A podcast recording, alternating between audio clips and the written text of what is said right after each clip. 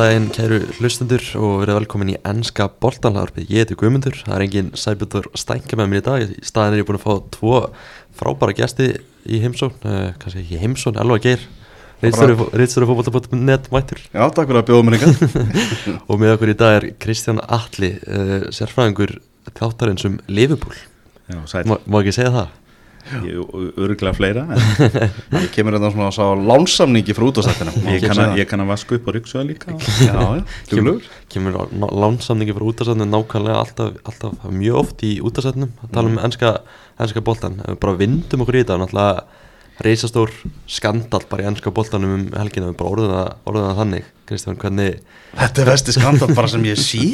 Er, Ég er enna átt að mást ég vaknaði morgun og bara þetta gerðist. Þetta gerðist bara Já, sko ég, ég náttúrulega get alveg tekið þann pólin að sitja hér og tala við ykkur klukkutíma sem ykkur liðpólstunismæður sem að telur sig að hafa verið ítla hlundfærin og þegar meira að segja United menn á netinu er að tala með þetta að verið skandalskil og þá, þá þurfum við ekki að rökra að það að færa rök fyrir því það sáu þetta allir sem horfa leikin að þarna var stórleikur en einu sinni bara eiðilaður af domgæslu og sérstaklega vítudómgæslinn því að hún er náttúrulega hugsuð til þess að grípin í dómaramistök á vellinum uh mhm. -huh.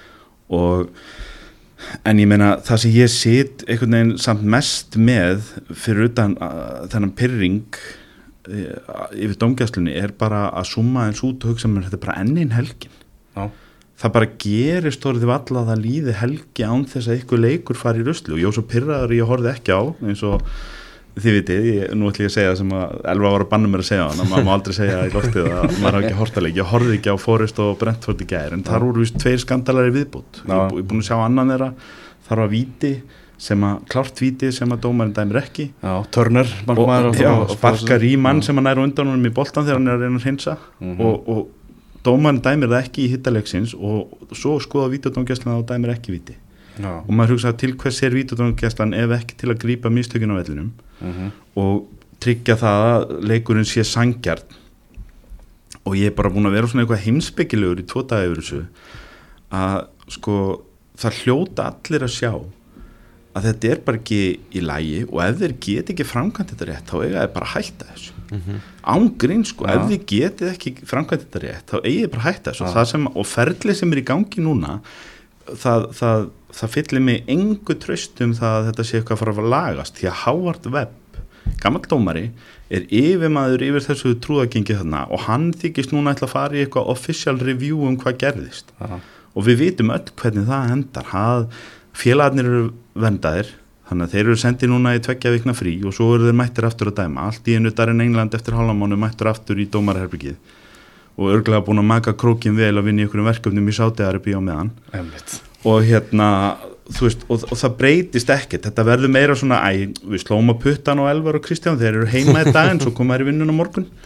Veist, það, það breytist ekkert og það munum við líða núna nokkru dagar og svo er bara önnur helgi um næstu helgi og aftur verður ykkur brjálar það, það skiptir verður kannski arsenalmenn eða, eða kannski verður brætómenn sem lendir ykkur veist, við, við þekkjum öll dæmin þau eru svo mörg og það sem gerist til dæmis þegar að svona leiku gerist, þetta er Leopold og Tottenham og þetta sinna þá virðast einhvern veginn dómandir halla, sérstaklega á Leopold.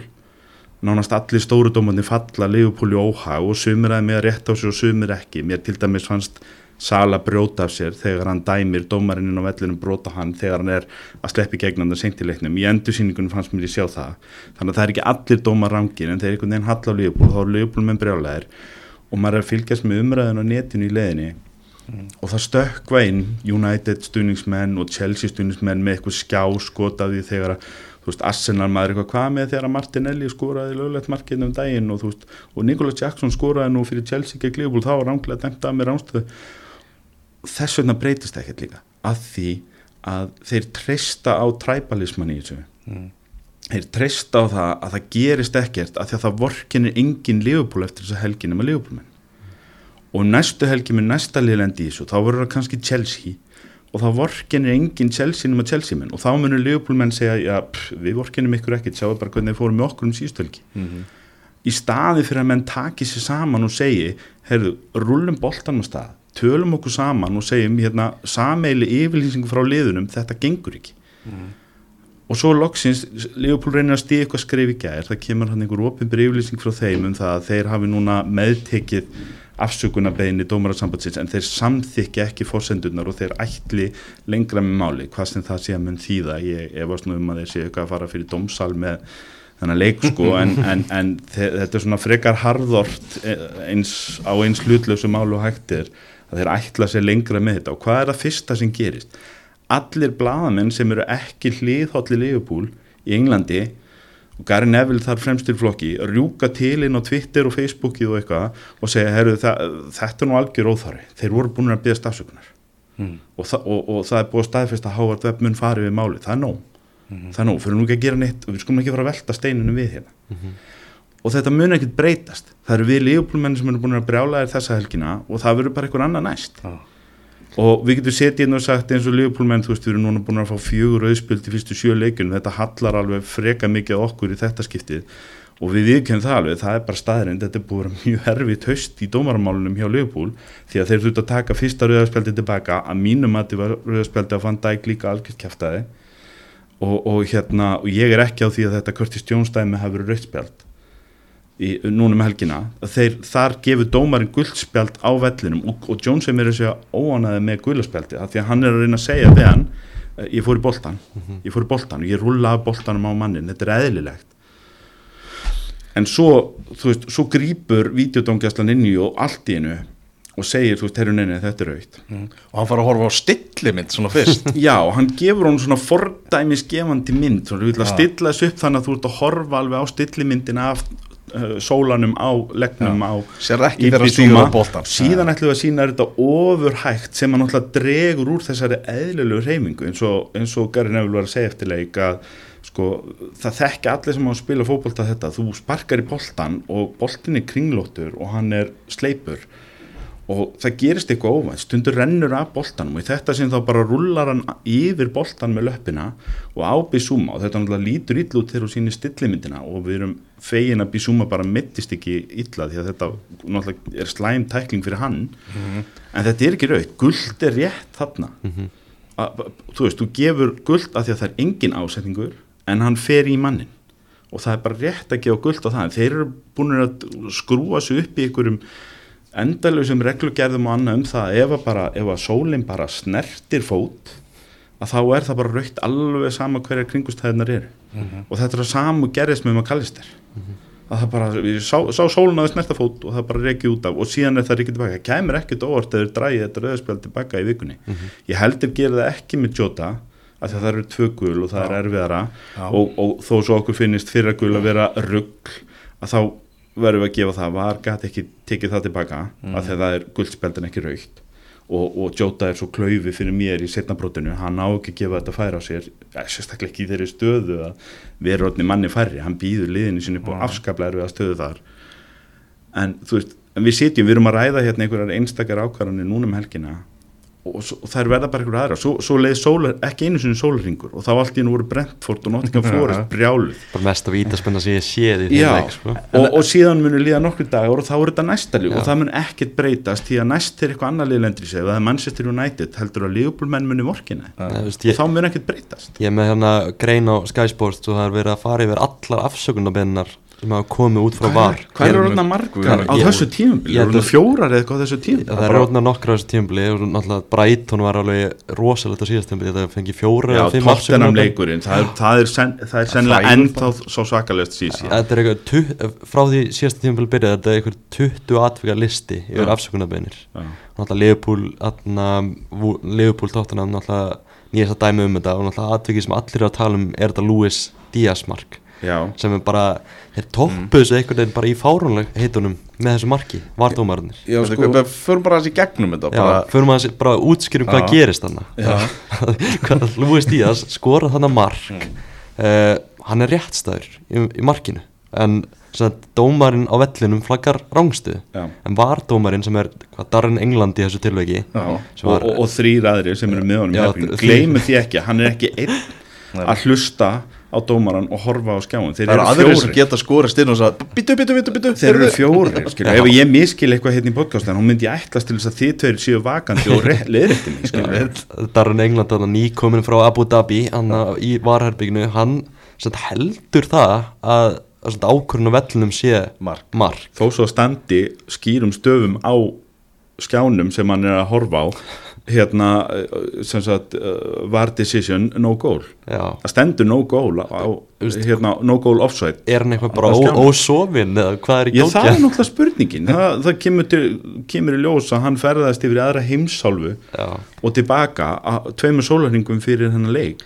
Og líka sko bara að, að það verið gefið grænt ljós á það. Já, Þú veist, af hverju ekki bara sagt Ok, ef þú vilt fara hana þá er það ekki að fara að dæma samt um helgina í, í deildinni sko. Þetta er galið og hann segir hann bara check is over. Bara check is com check, complete. check complete. Og þá tólkar dómarinn á vellinum sem það, þannig að Ég þetta hafi rángsta Ég hef, ég engar aðtöðsendir, dómurinn á vellinu stendur. Já, dómarinn á vellinum og, ég, stendur. og sko aðst, línuverðin, Þetta er bara- línuverðin með vorkun ég verið línuvörður og línuvörðin er að horfa Mó Sala með boltan Mhm. og hann er að passa sig að halda línni og Mó Sala gefur boltan inn fyrir. Og á þessu augna bliki sem að tekur hann að færa augun að Mó Sala og elda boltan inn fyrir á Díaz þá er Díaz komin inn fyrir samkvæmt línuverðin Mhm. og sko þannig að ef að það er engin vítjadóngjastleðna Mhm. að þá fær Curtis Jones guldspjald og nokkur myndur síðar er dæmt marka af Liverpool Mhm. og ég myndi miklu frekar vilja það standi heldur en að Curtis sé breytt í rauktspjald og síðan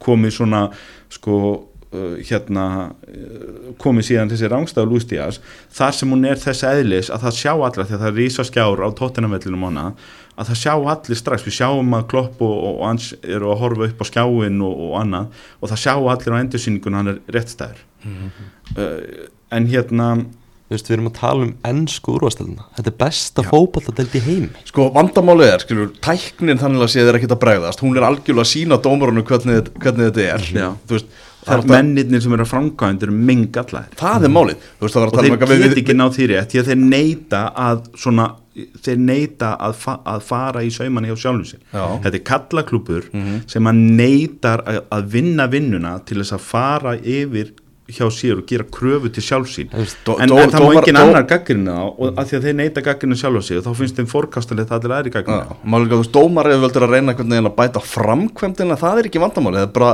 dómarinn er alltaf lélir, Það mennir sem er að horfa á þetta og taka það ákvæmdar þarf er ekki að uppfæra neitt hugbúnað eftir þessa helgi. Nei, við sáum þetta öll, við erum heim í stofu við erum að horfa á þetta, við þurftum ekki einu svona línutnar á Lúis Díaz dæminu. Nei, það þurfti engin línur á þetta. og ég, ég, bara, ég, ég bara skora ef, ef það var einhver á Íslandi sem horfði á þennan leik og miskildi dóminn þannig að hann held að það væri verið að dæma mark áður en svo skellt í var vinsanlega gefið sér fram, þið eru með e-mail hjá Elvari. Gefið ykkur fram, ef það er einhver sem satt í sófanum heima og miskildi þetta eins og Darren England þannig að maður, það má spyrja þegar þetta er svona augljóst og það er verið að dæma markið af og svo er verið að býja eftir varinu og það er einn maður í heiminum og þrýr menn með honum inn í vídeoherbygginu sem eru að miskilit og allir aðrir eru bara þeir hlúta að lifa þetta þá er eðlilegt að við spyrjum hvað er í gangi hjá þessum mönnum inn í séð og þá þættina- er eðlilegt að meðan tala um herri býtu þeir voru í risastóru ferðalagi hérna og þar var kannski veist, brún umslög og...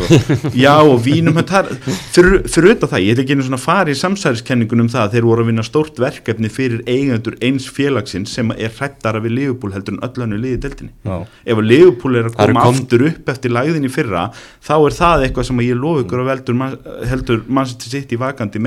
ykkur að veldur, man- heldur Manchester City vakandi meira heldur en þetta Arsenal Það er að koma sem svona upp samsærikenningar Já, út, út frá þessu. það- Já, sko, við eigum að vera hafin yfir vafan Já. og veist, og þetta getur ekki verið eðlilegt að þeir sé að vinna verkefni tveimundum fyrir leik fyrir eigendur eins af erki fjendum þessara liða, li, lið sem að tapaði fyrir um daginn og hefur hagaði að allavega Liverpool en helst bæði þessi lið uh, vinna ekki og annað í staðin Þa, og þú veist, það er enginn að segja að það sé það sé það sem er í gangi, ég ætla ekki að sitja hérna og segja að þetta er samsæri og mannstu sitja en við vitum alveg, þú veist, þessi gæjar þeir eru ekkert yfir að hafnir að hafa sér svona Mm. hérna, eigandunir í Sáti Arbíu en þetta þarf að vera hafið yfir þennan vafa Já. og það er það bara ekki og ég vil bara bara heyra samskiptið dómarana eins og Liverpool er að fara fram á þau vilja bara heyra Við þetta fengum ekki að heyra þau þegar að McAllister var reikin út af Nei. Við fengum ekki á einhver undanlega að að þeir eru svolítið að draga þann dóm tilbaka að þá var það ádió ekki byrt Nú er þeir, ég hef ekki séð það, mér skilst að það sé eitthvað þáttur með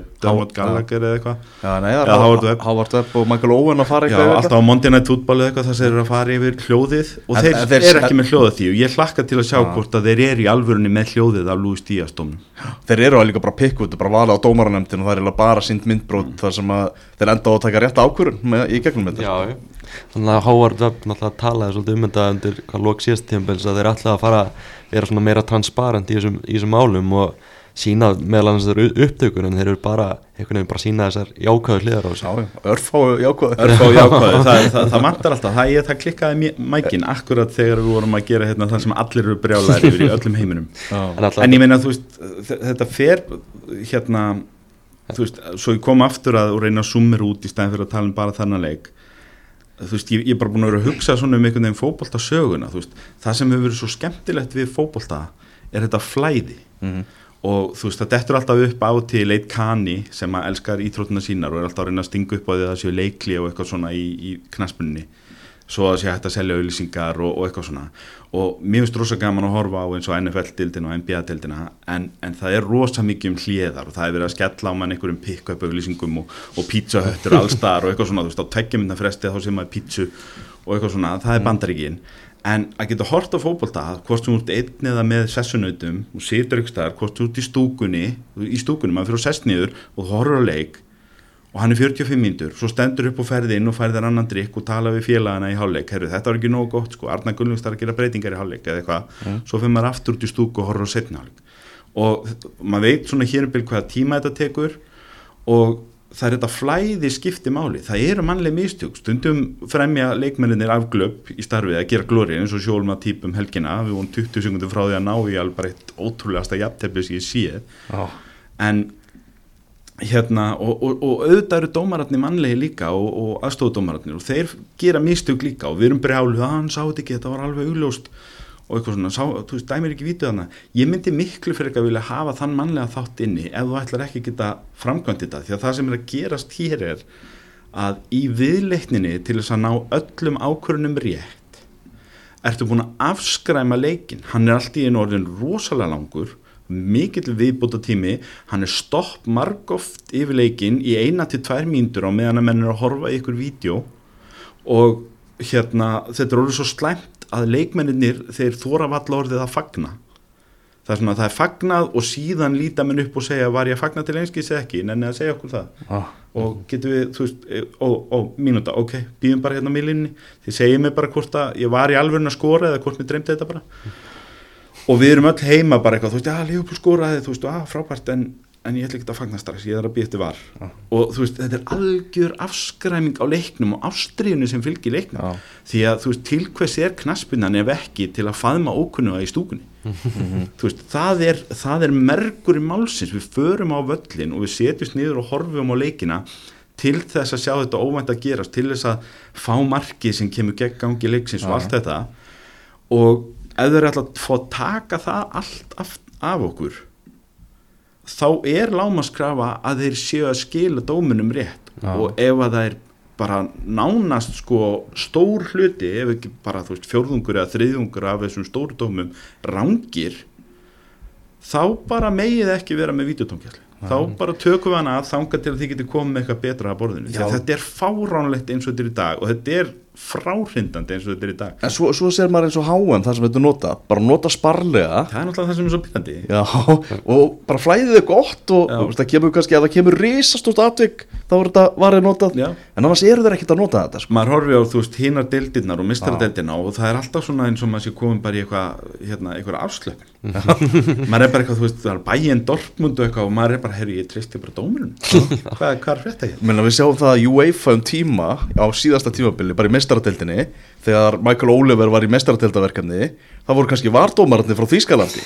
Þeir sleftu því þeir, Ég, hvað segir, þeir, voru þetta ekki félagar hans úr, úr, úr hérna sama, sama prep skólanum í London? þeir bara treyst ekki ennskum dómurum til að vera fyrir fram að skilja lega Sáðu það, sem- Mike Dean sagði um daginn Já. það var eitthvað leikur, hvort það var ekki Tottenham Chelsea á, á Stamford Bridge í fyrra og hann viðkendi bara að hann sneri ekki við dómi sem hann sá að var rángur sem videodómari að því að hann vildi ekki komað vini sínum dómaranum inn á vellinum sem man ekki hver var Já. í klípu, hvort Já. þá Pól Tjerni eða eitthvað sem hann vildi ekki koma í vonda stöðu að því að augu allar að kvilda á honum og hann vildi ekki gera hans veist, og hann var búin að vera einhverju brasi fyrr í leiknum vildi ekki setja einhvern veginn meira á herðar hans. Ég horfði á þetta og ég hugsaði með mér það sem verður að gera strax eftir þetta viðtali er þú verður að taka enska dómara úr Já. það er að fyrsta, þú þátt að þjálfa bara einhverja nýja starfsmannastjætt af vardómurum sem að kemur úr einhverju öðru umhverfi heldur en ensku dómarastjættinni eða hreinlega að flytja inn dómara ég er bara að tala fyrir því lengi. Fá dómarar geta verið í varherbygginu í Þískalandi og þíski dómarar í varherbygginu í Englandi. Eitthvað sem þekkiði ekkert, ég var aldrei hittið áður. Ég, hef, ég hef enga persónulega hagsmuni að því að vernda þig sem dómarinn á vellinum. Við vitum öll að dómarastarfið þetta er rosaleg pressa og mannlegi þáttur nerærur eins og ég var að lýsa á þann ég skil þúsund prósent að aðstóðdómarinn á línunni hafi dæmt rángstöðun á Lús Díaz. Því að þegar, hann, þegar augun hans er búin að færast yfir á sekundubróti Alright. þá er Díaz fyrir innan. Hann sér ekki lengur fótinn á Romero. Þetta gerist svo hratt. Já, eðlilega mannlega mistök. Já. en þá erum við með lámaskrönum það að það sé eitthvað sem er vakandi og hæfur starfinu sinni í vídeohörfinginu sem segi nei, veistu, þetta var réttstæða og þá bara dæmið mark. Í staðin fyrir að vera þunnur eða að miskila eða hreinlega eins og Mike Dean er búin að viðkenna og við vitum þar að leiðandi að er eitthvað sem er faktor líka.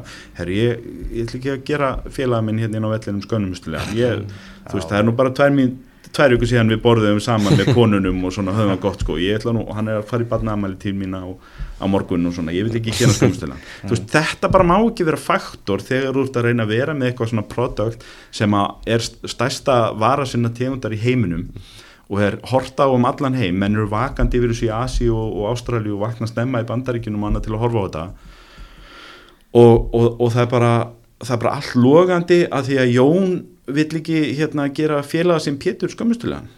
Já. En- þetta, þetta má ekki vera svona mikið sveit. Þeir verða að uppfæra þetta og það er það sem ég venga trú á meðan að Howard Webb er sá sem á að fara yfir hvað klikka ég hann er vil melkina bara skrifa afsökunarbeðinir og vera í sjómarfinu hann, og hann, hann mun Já, já. 100% komast að þeirri niðurstöðu að hvað sem gerist að þá var þetta ekki það að þeir fellarnir frá Breitlandi séu, séu ekki nú starfísinu vagnir sko. en alltaf ástæðan fyrir þetta svona umtala er þetta, ger, þetta atvik gerist á rosalega krítiskum tímapunkti í leiknum þannig að ef Liverpool skorar þarna þá er þetta allt, allt öðru sér leikur. Nýbúin að lenda manni undir og ef þeir komast yfir þarna auðvitað breytið það leiknum í staðin að þá er þetta dæmt af og nokkur myndir setna eru tóttinarkonir í voru Liverpool farna elda leikin og ég, svo kannski vindum okkur aðeins að knaspun umræðin ég var Já. ógeðslega ánæði með Liverpool í þessum leik, mér fannst þetta bara einn besta framistæða sem ég séð í mörg ári í úrvastildinni því að þeir voru ekki lélæri aðilinn 10 á móti 11 og mér fannst þeir eiga eiginlega fleiri færu hana eftir að þeir jafna, það var eins og tóttina mér er sjokkeraðir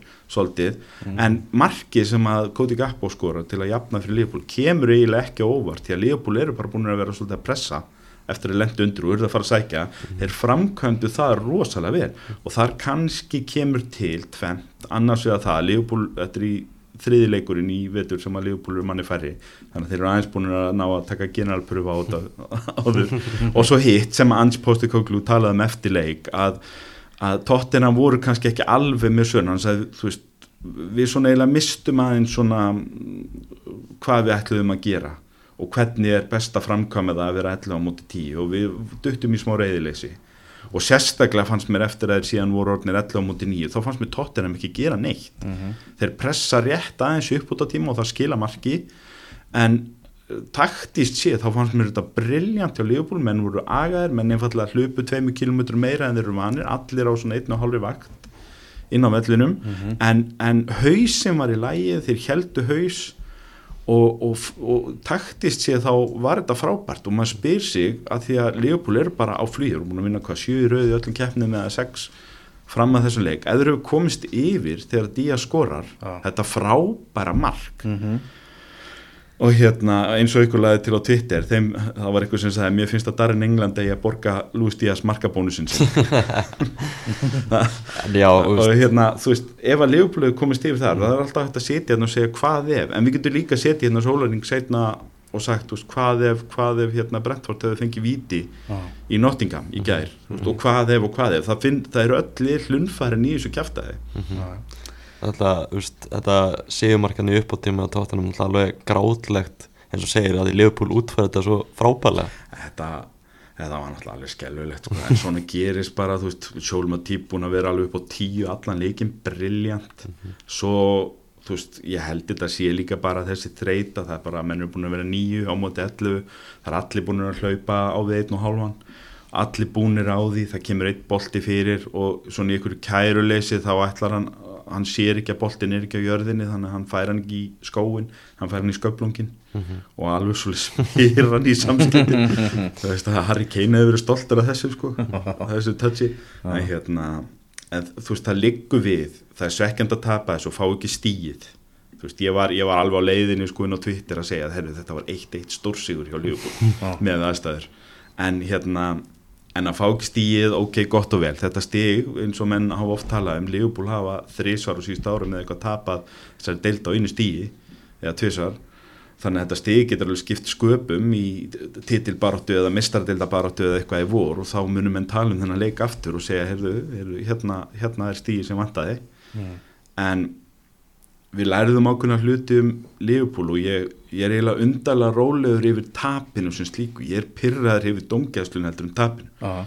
það er bara það, því að framistæðan hjá Liverpool var þannig að ég hef engar ágjur af þessu lið, ég held þetta lið sé að fara að vinna næstu fimm eða eitthvað sko, það reyndar eru útileiku gegn Brighton næst og Brighton fá alveg örglega að finna fyrir því hjá til Serbi eftir helgina. Vá, vá. þannig að það verður mjög áhugaverð leikur mm -hmm. nýri í sísætt en hérna ég hef engar áhugir að Leopold og ég var bara gríðalega ánæður með framistöðuna hjá liðinu sko. og mér finnst Tottenham alveg sterkir líka. Þeir eins og ég segi smá leik sko. smá svona reyðileysi eftir að þeir verða manni fleiri og, og svo tveimur. Og kann, kannski svona þú veist varð tilefnið einhvern veginn of stórt fyrir þá eftir það því að þú veist það breyti pressunni frá því að vera í einhvern 50-50 leik við Leopold sem ég fannst þeir vera að spila mjög vel fram að rauðarspjaldinu þetta var bara svona leikur fram og tilbaka og tóttina voru síst verri Já. og mjög flottir í þessum leik en, en svo breytast allt í einu vendingarnar og forsendurnar þegar að þegar að Curtis Jones er farin út á. Nú allt í einu á tóttinam og dominera og, og bara klára hana leik.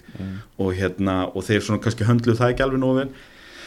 En heilt yfir þá held ég að ef það er eitthvað lið hérna, eitthvað lið í þessar deild sem er partí þessa vikuna þá er það stundin með tóttinam því, að- því að það áttu kannski ekki margir vona á því að þetta er svona gott, svona rætt hjá Ange en þetta, þetta er virkilega jákvæmt hjá þeim í upphæði tímabils Leikmaður sem að ég er svona einhver, einhver hluta vegna held mikið með er Richarlison Já, hann er að koma sterkur inn sko. Hann er að fungera bara vel núna Já, sko. þeir eru einur um það.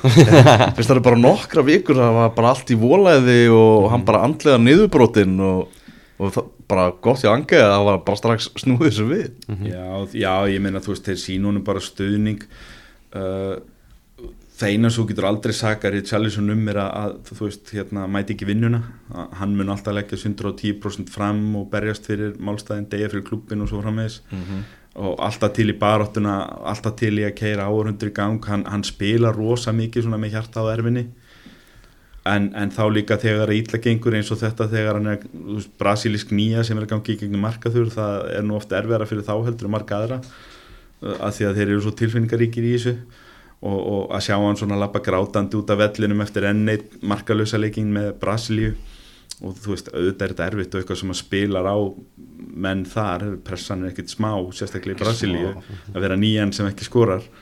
En hérna en ég held að, ég held að sko tóttina mér er ekkit endilega að leita honum fyrir mörkin. Hann poppar inn með eitt og eitt og, eina, og, og með stóðsendingarnar og annað. En það sem hann gefur þeim er allt hitt. Og ef að ansnær að svona virka það sem að mér fannst þeir ekki gera í fyrra Aha. í fyrra þá var eins og menn væru bara ómikið að hérna, einblýna á það sem að ekki virkaði hjá honum. En Ants er einhvern veginn búin að ná alveg að st- stinga honum í samband við það sem hann gerir vel og, og það sem hann færi liðin og segja hafi ekki afgjörður hinnu, verður bara þú og sonn sér um að skónumarkin Já. og, og ég átti ekkert endilega vonu því, ég var nú hjá þér Elvar í, þannig í upphæðu tímpils og í útarpinu þá tala ég um að ég hefði ágjörði hvaða mörkin ætti að koma frá tóttinam ef að Ray Charleston væri nýjan þeirra mm. að því að þeir náttúrulega fengu Harry Kane peningana eitt þeim sniðulega en ég hefði kannski viljað sjá þá takki nýju sem að skora mörk kannski er það Evan Tóni í janúar, við skulum sjá til. Já. en, en svarið var, er einfallega búið að vera bara allstar annstað frá. Og, og náttúrulega sérstaklega Mattisson og Son Son, ef að það er stert hjá þeim að fári Charlison í form frá því fyrra þá er náttúrulega búið að vera algjör líkil fyrir þetta lík hvernig Son er búin að spila. Því að hann var ekkit sérstakur í fyrra. Alls ekki. Og hann er búin að vera bara einn af svona þremu bestu leikmennum í dildinni það sem aður Mhm, kannski ef- áður við förum frá þessum ansegi áhugaverða leik að Jürgen Klopp, ma maður bjóst svona kannski við meiri trilling frá honum eftir leik. Það var bara rólegur. Með Brent Bart fórhast eldi hann, hann veit bara eins og hann sagði hann sagði í viðtalin, ef ég segi eitthvað þá er það segt og það eina sem að hérna hefur, það hefur áhrif á bankabókina mína, hann sagði það bara. Þannig að veist, við erum bara þeirri stöð, það má enginn segja neitt. Þess vegna þauður allir. McAllister talaði af sér, McAllister sagði ykkur, Alexis McAllister sagði ykkur viðtalinu að honum leiðum sögur væru 11 á móti 12 og nú er þeir að tala um að mögulega verði honum refsa fyrir það. Þú veist, þetta er galið. Þetta er algjörlega galið og þetta enda náttúrulega bara með því ef að það má ekkert segja þá endar það náttúrulega bara með því að þessi leikmenn þeim verður bara kift út og sagt heru, veist, ég, það kemur ekkert óvart. Ef að, ef að maður kallist þeirri refsað fyrir það sem hann sagði eftir að Van Dijk var refsað um daginn fyrir að hafa átt að vera eitthvað dólslegur á leiðin út af vellinu þegar hann var reikin út af og þá endar það með því og ég kemur ekkert óvart ef að Leopold segir bara, herru við tölum bara ekki við blaðamenn eftir leik, tökum bara Ferguson á þetta við ætlum bara ekki að tala um neitt eftir leik. Þið fáum bara yfirlýsingar frá okkur frá félaginu daginn eftir leik ef það er eitthvað. Og það náttúrulega við lengið, við viljum hafa aðganga leikmörunum og þjálfurum. Það var að háa sektir líka við því. Já, þú veist, já ég menna þú veist en hvað við að gera annað? Ef þeir ætla að skella maður kallist en hún aftur í sekti eða bannið eitthvað því að hann sagði eitthvað. En þeir fengu afsökunarbenni Já, þú veist, afsökunarbeinin og þá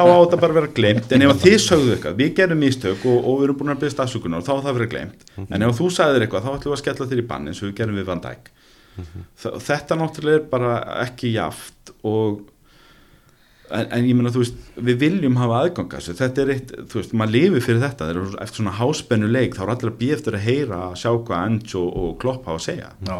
við viljum hafa þennan aðgang en ef að menn ætla að vera á þeim stað þegar okkur megi ekki segja neitt og líði bara eins og þau séu fyrir domstólum þegar þeir ekki svo viðtali megi ekki sína neina ástriðið að segja skoðinu sína á, á hlutunum ég meina hvað er svona vond við það að segja að dómarinn átti vondan leik? Það er ekkert að því.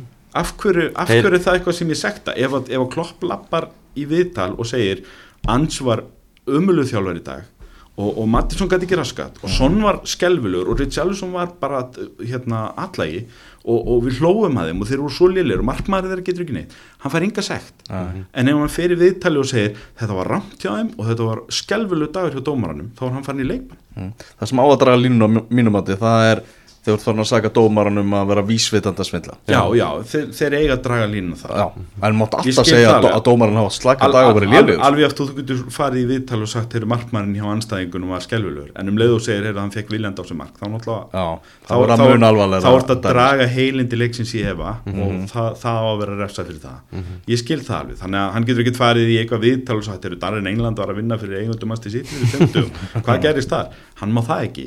var að að það en hann hlýtur með að fara í viðtal og segja heyrðu, þetta var algjör skandal þessi dungjastleita, þetta. Var alveg skelvilega liðlegt, hann hlýtur með að segja það en hann má það ekki. Það er að vera að koma með var og þá bara bútir í bóðlum svona umdeldum og dómaratali og svona, það er bara farið. Já, við minn góður. Uh, uh, Þarna á lögadöðunum þá voru þrjú svona ansi óvænt úslit eða kannski ekki uh, kannski tvö, kannski ekkert- ekkert rosalega óvænt að Krista Pallas sé að vinna Manchester United og Old Trafford en Nei, það er bara, bara ekkit rosa óvænt sko. uh, við erum kannski bara fyrst í það. 1-0 sigur Krista Pallas, Roy Hodgson ha- hún gengur vel á Old Trafford. Jókim Andersen breytist þannig í eitthvað sóknamann, rosalegt skot svo gerði gæfum minn fyrir Krista Pallas þessi framist að United ekki upp á marga fiska í þessum leik. Nei, ég talaði við United mann í síðustu ykkur fyrir deildabíkarleikin mm. gegn Palas og hann sagði mig þetta eru tvei leikir gegn sama anstægnum á sama vellinum og Roy Hodgson gengur yfirleitt vel Old Trafford. Og hann sagði við vinnum það ekki báða. Það er bara þannig. United er bara þeim stað að við vinnum ekki báða. Svo unnuður deildabíkarleikin frekar auðvitað og ég talaði við hann daginn eftir þann leik aftur og hann sagði, já, við töpum á lögdæg það er bara þannig, við töpum ekki eða vinnum það ekki til sörfi, ég held með það. Og svo, svo gerðist bara nákvæmlega það. Mm -hmm. að því að þetta United lið í dag er bara þekkt stærð og ég var að skoða töflun í gæður og ég, og ég stóð með að því að hugsa með mér. Ég var að skoða sko hvað til dæmis United og Chelsea eru stattir og, ég, og Newcastle sem eru svona að vinna sér upp töfluna eftir slæmabyrjun og ég horfði í United og ég sagði þetta er bara 6 stig. Tveir sigurleikir og þá er þeir farin að klóra í Europasætin aftur. Þannig að þetta er ekkert eitthvað þetta er ekkert langt undan og það er kannski ástæðist að panika. En svo greip ég mig og hugsaði með mér já en þeir eru miklu ólíklegri en hinn liðin fyrir ofan til þess að sína það form að þeir fara minga bilið Já. þeir líta bara þannig út í upphæðu tímabils að Aston Villa og Brighton munu auka bilið á það þegar líður á Já. hvað þá Arsenal og Tottenham og Liverpool og hvað þá Manchester City sem að vinna alla leikinu með tapa við Já, það er bara þannig, ef maður horfir á bara manntur að spila fótballtaleikina Já. þá sér maður ekki að það sé eitthvað ljós í enda gangana Já og það sem er verst við þá er uh, að því að ég var að fylgjast með þessum þremmu leikjum, ég var svona aðal að horfa hann. Mm. uh, aðal að því ég hefði ekki í mér að horfa á City þeir eru undir. Þeir, þetta er svona once in a blue moon að, að þeir kom ekki tilbaka og vinna 5-1 skilur eftir að lenda undir. Þannig að ég reyni vel eftir að forðast bara að horfa á City ég verið eitthvað að vonast eftir að þeir tapst um ég voru að horfa United leikin og eftir að lenda undir þá var bara nánast ekkert sem benti til þess. Þetta var einn af þessum leikum sem að maður segir þeir hefur getað spilað til miðinættis og ekki skorað. Það var hann eitt, hvað færið að Rasmus Haulund kemst hann fram hjá og Já, bergaði á línu hann er ljósi í myrkunu en hérna, svo talaði við United vinn minn sem að sagði við mig hérna að hann er frábær strákurinn en það er bara ekki búið að United hann ennþá.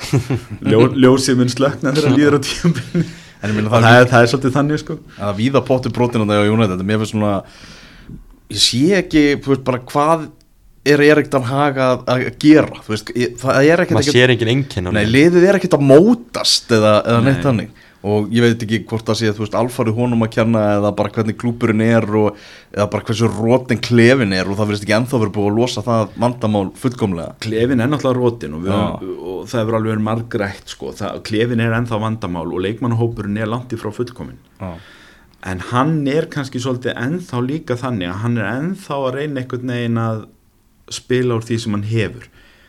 Og eftir rúmta ár þá er ég svolítið að býða eftir að sjá hvað er Ten Hag ból já. hver Ég er hans filosófía ég veit það ekki sko. Mér finnst til hag, hagbolti núna hjá United bara harka úslit grænda út úslit Já. Já, það, það, það, það eina sem skiptir máli næsti leikur, hvernig ætlum við að komast í gegnum næsta leik, í staðin fyrir að segja ok, þetta eru vombriði hvar ætlum við að vera eftir ár eða tvö ár? Já. og ég ætla að fara að innleiða það núna og ég ætla bara að nota þá leikmenn sem ég hef sem að henta í það þó svo að það sé gallað.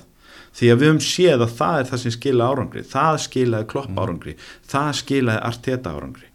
Skilur mm. Guardiola náttúrulega mesti, mesti svona hérna me- mesti svona, hérna, hvað ég að segja hann, hann er svona með sértækust skoðaninnar á boltanum, hann kemur tíki taka og það er alveg saman hvað þér finnst um það, það er það sem hann ætlar að gera, hann ætlar að reyta boltaði til dauða sko. og hérna, en hann ætlar að leika um sangkassa en aðrir. Eh, þú veist, ef þeir ætla að ná árangri að þá finnst mér ennþá eins og United séu svolítið að horfa og bæði yfir stjórnina og kannski ten hag líka, herðu við, ef við komum þrjá stjórnur þá voru þetta allt í leið Já. Ef að liðið er nógu fullt af hæfileikaríkum einstaklingum þá rettast þetta. Í staðan fyrir að segja, heyrðu, Arsenal að ná hér frábærum árangri með þú veist, einhverja El Neni og, og, og alls konar, nú, núni og samt og svo einhverja svona gaura í liðinu, skilur sem eru ekkit eitthvað á kaliberi við mannstu sitt í og hérna það er hægt að gera þetta ef þú, sko, það er hægt að brúa þetta bil ef þú ert með einhverja filosófíu sem að skila sér. Og við erum að sjá það strax hjá tóttinan til dæmis. Já. Að hérna uh, varst, varst þú að lýsa um helginni var? Ég, ég var með leikin Já, þú veist með hann. Æ, það var sá sem var að lýsa liðupúleiknum, hann kom mér hans óvart Já. hann kom við þann móla að, að Tottenham hafa átt langfæstar langar sendingar á Mm. tímabilinu þannig að Ands er bara komin inn strax og hann bara svona nei, nei, nei, nei það getur vel verið að þetta sé aðeins kallað þetta verður ekki fullkomið strax en þetta er fótboltin sem við ætlum að spila Já. þetta eru leikmyndir sem ég ætla að nota og svo förum við gegnum næstu félagaskipta glugga bara og reynum að bæta það og kannski verður einhvern skipt út. Kannski er uh, Kulusevski ekki rétti kampmærin eins og hann vil spilit og hann skiptur honum út fyrir einhvern eða, eða hvað það verður skilju kannski verður einhverjum skipt út að Bissúma fyrir einhvern annan eða reynda lítur Bissúma frábælega út. Stórkostlega. Komin aldrei slokkin í gangi þessu nýja kerfi. En hann er bara með leikkerfi og þeir spila bara svona og þeir pressa rosalega og, og þeir spila stuttar sendingar og hann er bara með filosófíu og þú sér hana strax. Þetta sér maður ekki hjá Ten Hag. Já, og, og maður og horfir á þetta og maður segir hvað er Pochettino að gera? Hvað er Ten Hag að gera, akkur eru við ekki að sjá filosófi er það kannski hluta af vandamálinu? Já. þessi lið þurfa kannski ekki að kaupa fleiri leikmenn þurfa aldrei búin að kaupa nóg. Það er ekki vandamálið heldur, vantar okkur filosófinu þannig að ég, svona, ég spyr mig eigendamálin hjá United og vandamálin í klefanum sem eru þekkt og leikmenn sem eru auðveld svona scapegoats.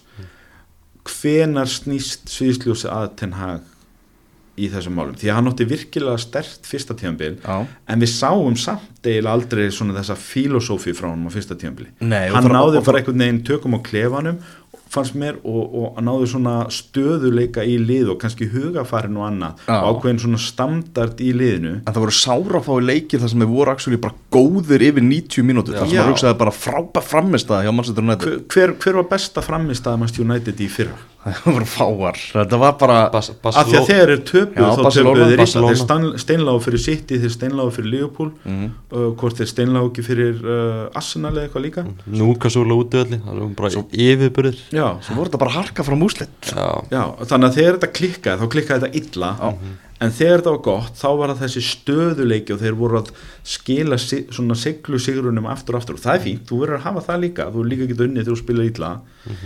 En, en hvaða leikur kom það því að eins og Liverpool, Liverpool voru algjöru læði fyrra og skelvilegt og voru ekki með miðju og annars líkt, ég get samt talað um þú veist, þeir unnu Bournemouth 9-0, þeir unnu United 7-0, ég get talað um fjóra-fimm leiki þar sem að Liverpool voru bara lit út eins og Já. besta liði Európu þá helgina. Þannig að þeir svona alveg síndu ennþá heyrðu, við erum ennþá með filosófíu sem virkar og við erum ennþá með leikmennina til þess að þú veist, það er bara rétt aðeins að tvíka þetta og þá eru við konur aftur.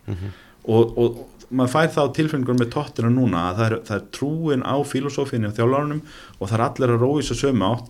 Þar er vandræðaklefi líka þannig að við skulum býða og sjá. Kannski lendur Angjalt í því að vinna ekki þrjáleiki röð og, og þarf að díla þá við eitthvað. Þú veist að menn sé að líka í blaðamenn og, og, og, og ósáttir inn í klefa. Kannski kemur það hjá honum en þetta lítur alltaf mjög út núna. En hinn er tveir, ég sp- spyr mig ég spyrði Pochettino alveg saman þarna við Ten Hag, hver er filosófía og af hverju erum við ekki að sjá neitt svona identity á liðinu, annað en bara þið eigi að vera góður í fótbolta því að þeir eru frægir og dýr já nákvæmlega. Uh, Wolves vinnur náttúrulega maður City. Þetta eru náttúrulega bara gríðalega óvand úslit og kannski skemmtilegast í þessu að Pep Guardiola talaði um þarna fyrir leikum kóreska náungan hann í sóknin hjá Wolves og Já. sá kóreski náungi kom bara inn og kláraði þetta bara Já, myndi ekki nafnið Nei, það það myndi ekki nafni á hann sko. Já, hérna sko, er, er, mér minnir til þess að Bulls hafi verið svolítið duglegir að streyja City mm. Það geti verið ég sko. held að sé svona þriðja skipti sem þeir vinna City undir stjórn Guardiola sko. Mhm. þannig að það er eitthvað þar þeir ná einhvern veginn uh, Portugal, portugalska hérna, svona eðlið í Wolves eða eitthvað, virðist henda búa vel á móti, á móti City. Þeir eru kannski svona hérna, bókiliðið þeirra. En, en ég meina þeir sína restina dildin þetta er hægt, þetta var lið sem var búið að vinna í raunin alla leiki. Og, og hérna Það eru og líta bara út 6-0 núna. Já, og lít út eins og besta liði í heimi og, og það einhvern veginn, þú veist, Holland er ekki einu svona farin í gang, hann, hann er frekar rólegur með hvernig hann væri fyrir, hann er alltaf samt markaðistur. Hann, er- hann er bara ekki ofur markaðistur en hérna en þeir síndu fólki að þú veist, þetta er hægt og þú þarft ekkert að vera búin að tapa fyrirfram í huganum fyrir þessu sittilið og það er það eina sem við sem erum eitthvað, þú veist, haldi ykkur að veika von hérna stuðnismenn Liverpool, Arsenal eða hvaðina um að ná þeim uh, erum að byggja um, það er að menn mæti ekki inn á völlin og séu búin að tapa fyrirfram fyrir þeim, bara að þetta sitt í þetta leikurinn þar sem ég kvíli þennan tvo sem eru tæpir og, og verð tilbúin fyrir United næst, sko, því að það höldum við getum unnið eða eitthvað, sko.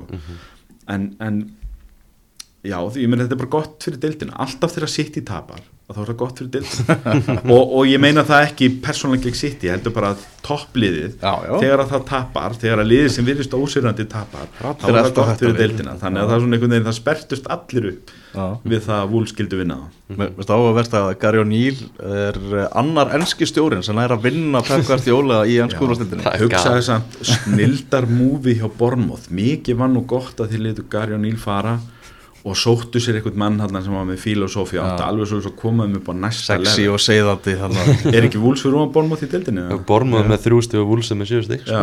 Þannig að mikið var það nú og move hjá O'Neill tók bara við Úl- Úlfunum bara Að- kortur fyrir mót að við töluðum nú um hérna sve, sveitatjallana á þann í dómarastjættinni það, það, það eru stundum fordómar gegn ungu ennsku þjálfurinu líka hann, mér fannst það bara að vinna frábært Það starf bara með Bornmoth í fyrra einn- einn þetta var eiginlega lið sko. sem átt að fara niður Já. Og voru hörmli, hann er náttúrulega hérna, uh, hvað hann heitir hinn sem að var að þjálfa á reikin eftir 9-0 tapi gegn Liverpool og, og, Já, og Scott Parker. já, Scott Já. Parker. Þannig að þú veist, ekki koma nú inn í, í þægilega stöðu þar en hann náði einhvern veginn að rétta það við og halda þeim frekar þægilega uppi og fekk þetta launum fyrir og ég held að Wolves hafi bara sagt takk fyrir túkall því að þeir eru einmitt svona klubbur sem að mistu þjálfaran kortir í móta því að þeir eru ekki búin að geta keift leikmenn og ekki pening og annað og Gary O'Neill síndi það bara svart og hvíti í fyrra, herru, ég, það henda mér. Ég þarf bara að fá að komast í klefan og þá redda þessu fyrir ykkur. ég er bara gaur í klefan og ég er gaur á æfingarsæði fyrir þessa leikmenn og ég mun keira þetta saman. Hwang Yi-chan virtist vera bara svona einhver vombriða pakki í fyrra. Hann, hann lítur út eins og allt annað maður í dag. Fjögur mörg. Uh, Martraða dagur fyrir Mattias Núñez. Já, úff Herru, hann fór náttúrulega í verkfall. Besti leikmæður í heimins, Guardiola. Já. og svo sagði hann. Fór í verkfall til að komast frá Wolves til City. Já, hann, hann var baulað á hann í, í þessu leik og hann fór út að í hálfleik. Hann brosir nú eflust á endanum sko, þú veist, með þreifaldan launapakka frá því fyrra og, og, Já, og, og alla, og alla hérna, metalýtnar sem hann er að fara að vinna í vetur með í sko, Smá hann- erfið helgi samt. En þetta var, já, já, þetta var og allt í lægja, menn fengið smá svona eldskýt fyrst, þurfa að fara heim aftur og, og hérna og svona einhvern veginn neyja sig og fá einn á kinnina. Vestam vinnur Sheffield United 2-0 Newcastle vinnur Burnley 2-0 kannski vondafrétti þar að Jóhann Berg Guðmundsson er á meistalaustunum aftur og ekki að fara að taka það til landsleikan sem er Það er leðilegt sko. Hver verður með bandið? er einhver álug á okkur? Um leið og Arnur er komin í gang og er heitur með blappun Já. að þá eru tveir aðri landsleismenn Já. teknir á okkur. Megum við bara ekki eiga fína hluti Nei, það er það er einhver öllu að dísið sem segir bara heyrðu þið fengur tvö stórmóti röð nú bara þið ekki séns. Það er áhverð að hver verður með bandið ef A- Aron Jói verður ekki með verður ekki bara Alfreð fyrirli líklegt. Já. Uh, náttúrulega þarna voru stóra fréttir þarna á lögadeginum að Luton Town vinnur sem fyrsta leik í tími. óvænt þeir vinna Everton útvelli fara þarna á Guðursa Bark og komast bara þarna í 2-0 eða 0-2 Damnur Kallur Lúan minka munur rétt fyrir hálfleik og kannski held maður svona að Everton myndi komast inn í þetta í setnáleginum en veist, Luton gerði bara vel og, og sildi sér heim sko. talandi um vonlauslið að þú vorum að tala um United á hann sko. þegar Everton lend undir þá er þetta eiginlega bara Everton eru konni á þann stað að þeir unnu leikundaginn mm Brentford. já, þeir unnu í Brentford. Já. og maður er hissa. Maður er, hæ, vann Everton leik? Og, og þetta er í rauninni alveg galin stað við erum að tala um, sko, það er engin klubur í úrvastildinni verri reikin en Everton síðustu fimm ára Mhm. það er bara, og það er, það er not even close. Við þurfum ekki einu svona að taka umræðum og velta einhverjum öðrum klubum fyrir okkur og bera saman. Þetta er bara alveg, þetta, er, þetta er sláandi. Hörmulegt. Og þeir eru að byggja hana möll hann er á frábærum stað, ég verið aðna verið í hóteli við hliðina aðna og þetta mm. verið gæðveikt þegar völlunum komin og völlunum lítur mjög vel út. Mm. og reynda var hörmulegt döðsvallum daginn uh, hjá starfsmanni við völlin sem að svona kannski eh, dempar aðeins bjart sínar fyrir það. Og það er að koma hann inn einhver eigendagrúpa sem að mér skilst að sé bara mjög shady og umdeild. Og menn eru bara reynd ekki sáttir. Meira að segja Leopold menn, ég er náttúrulega með svolítið kannski uh, meira af Leopold blaðamönnum og annað á, á mínum samfélagsmiðlum heldur en frá öðrum liðum. Uh, og þeir eru náttúrulega bara að hafa áhyggjur fyrir hönd borgarinnar og fyrir hönd bláa hluta borgarinnar. Þú veist, ætlum við í alvörun að leifa þess að gerast? Þannig að maður staldra við, eru í alvörun einhverjir algjörir ribbaldar að taka við hérna Everton í dag? Eða veist, eru þetta menn sem að ætla að gera eitthvað almennt fyrir félagi því að hérna Mosíri gæti ekki að hafa reykið þetta verð síðust ára Þeir eru bara komin einhverja örvæntingar inn að selja félagi Það var einhver annar hópur og það fjallu upp fyrir. Og að Og nú er bara, eru hver sem er bara komið.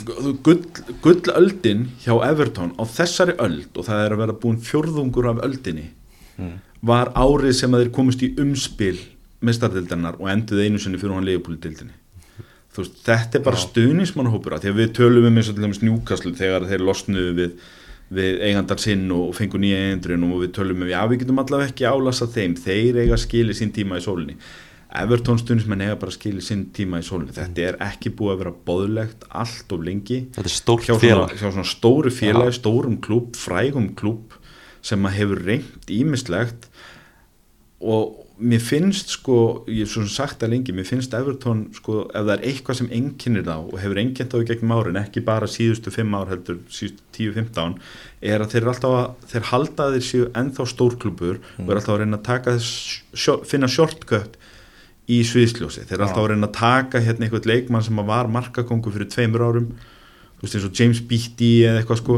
Þeir er alltaf að reyna að finna þessa gauðra sem voru Andy Johnson. Já, g- g- gæinn sem var geðveikur fyrir tveimur árum með United, hann dukkar allt í henn upp þarna þannig að þú veist, býði bara þú veist, það eru tvö ári að, að Antoni spili þarna eitthvað skilur og hérna og, og, og, og svo er alltaf jafn hiss á því þegar þetta gengur ekki. Þegar leikmenn sem eru búnir að svona einhvern veginn brenna svo út eins og kerti hjá einhverjum öðrum séu ekki ennþá, þú veist, þeim og hérna í staðin fyrir að segja við þurfum bara að fara í grasrótina og við þurfum bara að byggja þetta upp. Við þurfum að fara einhverja aðra leiða þessu að þegar við erum ekki með peningana til að elda Liverpool og Arsenal hvað þá City og, og Chelsea eins og Chelsea eða. Uh, fara, við þurfum bara að fara einhverja aðra leið, við þurfum að vera liði sem þekkir Frakland betur en allir aðrir og finna perlunar þar áður en þær enda hjá PSG skilur, við þurfum að vera liði sem að þekkir í byrjuskagan betur en allir aðrir og ógislega góðir að sækja leiknum þar. Við þurfum að vera eins og Brentford, við þurfum að moneybola þetta alveg í drast og það má ekkert klikka og við þurfum líka að vera með efnilega leikmenn sem að eiga greiða leið í lið og dag ekki uppi á bekknum að því að þú ert með einhvern stjóra sem er bara í survival mode og þarf bara að reyna að hnóða í aftöflum helgin og svo sem ekki fallsæti. Þannig að það er ekki hægt að hleypa ungustrákunum minn og þú veist það þarf bara einhvern veginn að taka til í öllu félaginu en það þarf fyrst og finnst þarna held ég að laga hugsunarháttin. Og hérna svo kannski förum við í Luton það, það, það var eiginlega bara svona ánægilegt fyrir hönd Luton-stundum að þeir fengið loksin sigur. Og nú er þeir farnir að stað. Og þetta verður smá svona já, þetta er búið að líti út. Þessi nýlegaðnir eru búin að líti út bara so far eins og þú veist að þessi bara mörg ár síðan að það er jafn augljóst að nýlegaðnir sé að fara niður aftur. Þeir fóru upp fyrir punktalínuna Já, en nú er þeir konir hann upp fyrir og nú er eitthvað smá líf í þessu. Börnlega eiga tel ég ennþá eitthvað inni og ég skal hundur heiti ef að Sheffield United býti ekki eitthvað frá sér vitur þannig að, en, en þetta er náttúrulega sögulegt fyrir lítinn klubbi svo Luton sem eru þarna upp í fyrsta sinni ára tugi Og hafa enga tapa, þú veist. Hafði enga að tapa, bara mætið og, og, mætið til Sigurs á alltaf þessa velli skilu, þið munið tapa fyrir City og Liverpool en látið vaða á allt annað og, og, og bara fagnið þegar þið getja þið unnið á Goodison Park, það er nú aldrei sögulegt fyrir Luton, mm. -hmm. en hérna, en á móti kemur að maður hugsaður í rauninni með sér ef þeir, ef þeir voru að fara að vinna útileika eitthvað staðar þá var það alltaf að fara að vera Goodison Park Það veist, við- þarna Arsenal vinnur Bournemouth líka 4-0 tölum að þessum Bournemouth áðan þetta er, byrjar ekki vel á þeim og Aston Villa vinnur 6-1 sigur á Brighton. Ollie Watkins maður. Ollie Ég Watkins. ég horfði á hann. Southgate var í stúkunni. Já, já. Já, ég horfði á hann og vá það, sko, ég, ég veit ekki mér langar að tala um eitthvað svona skipbrot og það, það kom að því að, að hérna, svona til Serbi Hype Train fór aðeins af teinunum og nú þeir að Leopold næst, þannig við skulum sjá uh, Töpuðu í Evrópu Brighton. Já, þeir reyndar bæði liðin eða Leopold, uh, Leopold og Brighton eða bæði Evrópuleik leika 50 dag held ég en að Gæti verið svolítið snúið fyrir Brighton ef þetta Já. blanda þessu saman. Allt þeir hafa kannski í- ekki alveg breytina sem Liverpool hefur og útileik- reynslun af Evrópu Já. til að taka það svona aðeins á, á öxlina og mæta svo í leik á sunnudaginn í háttegin og sunnudag. Þetta er út, útilegur í Európa Já, þannig að nú sjáum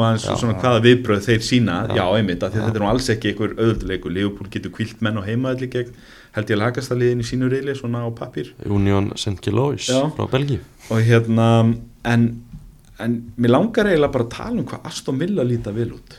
Frekar en að fara eitthvað að hérna hnýtast út í Brighton sem að eru bara flott lið og verða þarna uppi í vetur og ég hef engar Já. ágjörða en þó sér að tapa þessu svona. En mikið líta Aston Villa vel út. Og þeir, þeir alveg voru flengdir í fyrstu umferð á St. James's Park og hafa svo bara litið út sem eins og topp fjórið lið síðan þá. Og það er bara, er, þannig er breytt, þannig er trú þannig er filosófía, þannig eru menn að spila ákveðna knaspinu, Ollie Watkins er algjörlega á báli. Mhm. og þ- þeir eru bara lið sem ég myndi ekki vilja mæta um næstu helgi, ég veit ekki hver það er eigum næstu helgi, en það lið það eru einhverja andungunætur þar sko. Því að þetta lið er bara lítur svakalega vel út. Já, vel mannað og já, það, hérna, það eru bjartir dagar hjá villamönnum Þannig að fyrst mann sitt í tapa þessum leikum um helgina varum við fannir að sjá svona svaka pakka á veist, sitt í með Já, ég held að þetta séu bara þrjústígin Já. sem að skilja bara Európa-deild og toppin Já, sitt í með átjástíð og svo ertu komin neyri Brighton sem er með 15 stíð í sjötta seti Já. Brighton hefði farið upp að hlýðir á topnum með sigri í þessum leik. Þannig að þetta er ansi áhugavert. Við tölum líka um Nottingham Forest Brentford á hann leikur sem einketist til að bara svona var augnablík Já, hérna, ég, ég sá hann ekki en, en ég meina uh, Brentford finnst mér hafa staðið sér vel án tóni, ég var ekkert viss um að, að þeir getur haldið þessu flugi. Þeir kannski byggði ekki minna í, eða byggði ekki meira í ár en kannski það bara halda sér þarna svona um miðadeildina og vera á góðum stað. Þetta er svona lið sem getur á góðum degi unni alla í deildinni en geta líka dottið hans niður og tapa heima fyrir þú veist Everton sem voru neðstir held ég þegar er unnu Brentford uh, Nottingham Forest virðast vera á svipaðum stað. Ég veit ekki hvort að það nægir þessum eiganda að þeir eru búin að eða talsönum upphæðum í leikmannakaup og hvort að hann vill meira en hann kannski sætti sig við það að þeir sluppu falli fyrra og ef þeir eru miðjadeild í ára þá er það bara svona kannski næsta skref upp á við sem er hægt að byggja því að Nottingham Forest er stór klubur og þeir eru kannski á svipum stað á Aston Villa fyrir fjórum-fimm árum ef þeir ná að svona staðsýta sér í deildinni. Aston Villa mannstu bara rétt heldur sér uppi Já. fyrsta árið sitt í deildin aftur. Og eftir það hafa þeir náða svona að vaksa og fara vaksandi og vaksandi þeir hafa þurft að reka stjóra tvísar eða eitthvað til að komast hingað og og eða smá upphæðum. En, en það er kannski þannig sem að Nottingham Forest hugsa þetta næstu 2-3 árin. Að þeir sjá kannski fyrir sér, kannski eru við í Evrópubaráttu eftir þrjú ár og ekkert endilega með Steve Cooper við stjórnumvölin en akkurat í dag þá virðist hann ná til leikmannana ná að hnóða þennan stóra og skrítna leikmannahóp þeirra að þeir kaupa svo mikið af leikmannum saman í lið sem að fungerar og hérna þetta var svona kannski vombrið fyrir bæðilega að ná ekki að vinna þennan leik. En, en allt í lægi samt stig er, stig er betur en ekkert. Mhm. við erum að sjá veist, kannski í annað tóttunum og Arsenal eru þannig að Arsenal vinnur 4-0 sigur á, á Bornmoth uh, hvernig er svona lístur Arsenal upp á tíðanbils ég held að séu bara svipaður og í fyrra sko. Það, hérna, þeir líta bara rosalega vil út, þeir eru að spila flottan bolta það er svaka stemming í gengum klubin þeir eru að fá Gabriel Jesus aftur inn og meðslum og svona.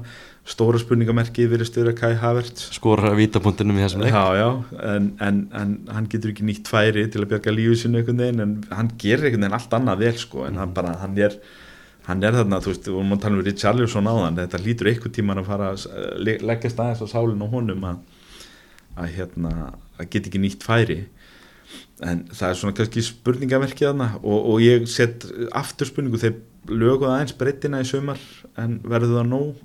Að því að nú er þeir í meistardeldinni líka sko og ef þeir komast upp úr riðli þar þá er það svona distraction í vettur en eins og staðan er í dag þá held ég að þú veist, þú horfur á topp fjóra í dag og það eru City, það er, það er Tottenham, Liverpool, Arsenal. Þetta líta bara út eins og fjögbestu lið deildarnar í í dag. Og svo, og svo kannski Aston Villa og Brighton svona hænusgrefi þar fyrir neðan. Mhm. uh, eina liði sem að maður horfir á þarna það eru Aston Villa og svo Newcastle sem að virðast vera svona rétt og kútum eftir erfiða byrjun og eiga eftir að koma þarna upp held ég og blanda sig í þetta. Ég er ekki vissum að United og Chelsea gera það. Þannig að hérna, þetta, er kannski, þetta eru kannski liðin sem berjast um mestardildasætti og ég held að Arsenal séu alveg á stað til að vera í öðru þriðasættinu með Liverpool í þeirri baráttu í vetur. Og ég myndi svona kannski halda helst að því að þetta er ennþá svo nýtt hjá hans að Tottenham svona kannski fatist aðeins flugið og, og hérna og það sé kannski ef að eitthvað þessum topp fjórum í dag gefi færi á sér, gefi liðin svo njúkastlega Aston Villa séns á að stela eða Brighton, við skulum ekki afskrifa þá þá sé það helst Tottenham en hérna Arsenal líta bara út eins og það séður eru. Þeir eru bara toppklúpur, vel rekin, vel spilandi. Það, hérna þetta er lið sem að maður gerir sér tíma til að horfa á. Og þeir standa undir því og, og þetta er líka unglið. Þetta er lið sem getur næstu 2-3 árin þroskast í þetta. Uh, þeir minna mér svolítið á Leopold mannstu þegar umræðan var eftir svona 2 ár hjá Klopp að briljant þjálfarinn hann getur ekki unni dollur? Mhm, þú veist, hann vann dildina með og, og eitt byggar með Dortmund og gerði frábælega en hann var alltaf þessi umræða, hann var búin að tapa öllum úslitaleikum sem hann hafði spilað nema einum. Og, og svo náttúrulega tapa úslitaleiknum í Europadildinu og úslitaleiknum í mistardildinu og þá svona lágið á hann þá hann loksins vann eina mistardild með Liverpool og þá einhvern veginn leit liðið ekki tilbaka og hýrti allar dollur sem voru í bóði næstu þrjú árin. Hérna náðu svona klára settið. Mhm. uh, Arsenal eru kannski fyrir mér á þessum svipaða stað. Það er svona það eina sem vantar upp á og það sem verður umræðan á endanum ef að þeir til dæmis uh, sækja enga dollu í vetur í neytingkefni uh, verður svona þú veist ætlið alltaf að bara vera hérna brúðamærin og aldrei brúðurinn. Ætlið, þú veist, kemur aldrei að ykkur ætlið alltaf að vera næstbestir. Mhm. og, og það er kannski svona næsta skref í sig á Arsenal, það er þetta lið þroskist og ungi þjálfarin líka, hann er náttúrulega líka ungur og að þroskast í þjálfara árum. Og ef Arsenal vinnur eitthvað staða dollu hvort sem að, hvort sem að deild og mistardeild eða, eða byggar á vembli í vor að þá þá, hérna, þá myndi ég segja að nú skulum við sjá hvað gerist. Þá getur að- flóðgáttur opnast. Já, þá held ég að þetta líka hætti algjörlega tekið flug og við gætum séð eitthvað eins og við höfum kannski séð hjá Liverpool sístu þrjú-fjöruna árin Svona þegar að menn loksins vinna titilin algjörlega. Og svona lokum áður við slúttum þess að það er eitt leikur eftir þessari umferð. Fulham Chelsea í kvöld svona nágranna, nágranna slagur. Eh, Chelsea náttúrulega, þetta er afskaplega áhugart dæmi sem búið í gangi að svona skemmtilegt utanfrá að fylgjast með þessu. Þetta, þessi byrjun á tímabilinu hjá Maurizio Pochettino og lærisunum hans. Meðslalistin náttúrulega svolítið langur en það hefur bara verið hörmulegt. Já, þetta hefur ekki verið nóg gott við tölum og hlæjum að þessum, þessum bilaða hérna, biluðu leikmannakaupum hjá þeim og annars líkt og Todd Bowley Já, og, Todd Bowley veit ekki hvað hann er að gera og þeir eru að kaupa leikmenn sem hent ekki og, og eitthvað svona. Og það er engin andi í liðinu og það er engin leiðtói í klefanum og allt þetta. En, en þetta er líka ekki nógu gott hjá Pochettino. Þetta er, þetta er vombriða byrjun á tíðanbyrjun í honum. Því að hann var ráðinn ymmi til þess að reyna að koma inn og hnóða úr þessu lið eins og Ans hefur gert hjá Tottenham til dæmis. Og, og sko fyrir þennan leik að þá finnst mér bara að fúla mér á heimaöllu og þeir eiga bara að vera líklir þeir eru líklega ræðalinn þeir eru líklir ræðin og ef Chelsea vinnur hennar leik þá, þá lofa ég því að við um eftir bara, hm, Mhm. ó, Ma- ma- ma- maður verður bara hissa, maður er á þeim stað sko. já, versus það ef, ef þú sér ekki leikin og eitthvað segir við þeir eru fúla vinnu Chelsea í kvöld þá er það bara já, skiljanlegt. það síðustu þrý deltuleikur Chelsea Nottingham Forest, Bournemouth og Aston Villa þetta er eitt stig já, þeir unnu í uh, dildabíkanum unnu Brighton og heima allir, óvænt. Já, óvænt. Þannig að kannski fór eitthvað í gang þar. Það eru góði leikmenn en það er ekki vandamáli, þú veist, mér líst vel á Nicholas Jackson, ég held að þetta, þessi gaur er svona svo, hann er svona Það þarf ekkert fínpússan. ósöpaður Ivan já, uh, hérna, eða Evan Ferguson hjá Brighton, mér finnst þeir svona svipaðar típur, um leið og hann svona einhvern veginn finnur út úr því hvað, hvað hann styrkleika liggja í þessari deild, að þá verður hann vandamál fyrir flesta varnir. Mhm. uh, og það eru þarna leikmenn í kring sko, þú veist eins og mútrykka með alla hæfileikana. Þú veist, ef þú væri í einhvern svona fútbólmann sér leik og ætlaði að gefa honum einhvern hann er með tíu í hraða af tíu og, þú veist, og, hann fær tíu af öllu. Það er bara eins og hann viti ekki alveg hvað hann er að Já, gera við það, sko. það er eins og hausinn. Mér finnst hann svo lítill í anda þegar hann spilar. Hann, er, hann, hann spilar hrættur og maður bara sér það. Það er rosaleg pressa á þessum strák og það á við um flesta af þessum strákun sem hafa verið að koma á uppsprengtu verði.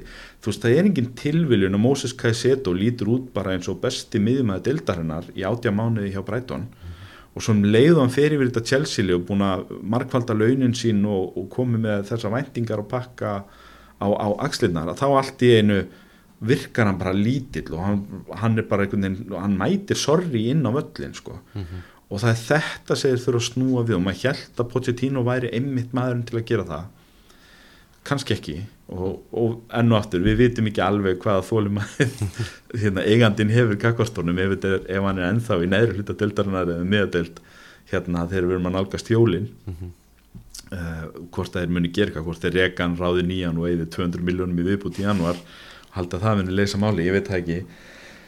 En þetta er, þetta er fyrst og fremst, ég veit að það er mikil þórðaglegi í gangi það, það vorkin engin Chelsea að lendi í þessu skilju, það það er fullt af liðum að núti sem eru, þú veist, og liðuplustunum með þar á meðal sem eru búin að býða lengi eftir að sjá Chelsea í svona málum að- sérstaklega eftir að hafa búin að eða öllum þessum já, í leikmenn já, sko. og þú veist, þetta gati ekki komið fyrir betri klúb og, og eitthvað svona að, að vera alltaf eitthvað, þú veist híjand á Liverpool, að við tókum hérna Kajsett og Rómi og Lavia og svo geta þær ekkert í og meðan að Liverpool eru bara góðir aftur og, Nei, og það, þannig að það hlakkar í mörgum yfir Chelsea en, en fyrst og fremst þá finnst mér bara að reyna að pæla í þú veist, horfa á Chelsea og pæla í þú veist, hvað það er nákvæmlega sem er að klikka þarna, er þetta svona einhver samtíningur af faktorum sem að er að gera þetta lið sem að á að vera eitt dýrasta lið heimi og, og, og, og og fræðasti klubur í heimi og allt það sem er búin að góður í 20 ár og er allt í núna bara algjörlega miðlungs og geta valla keift sem mark.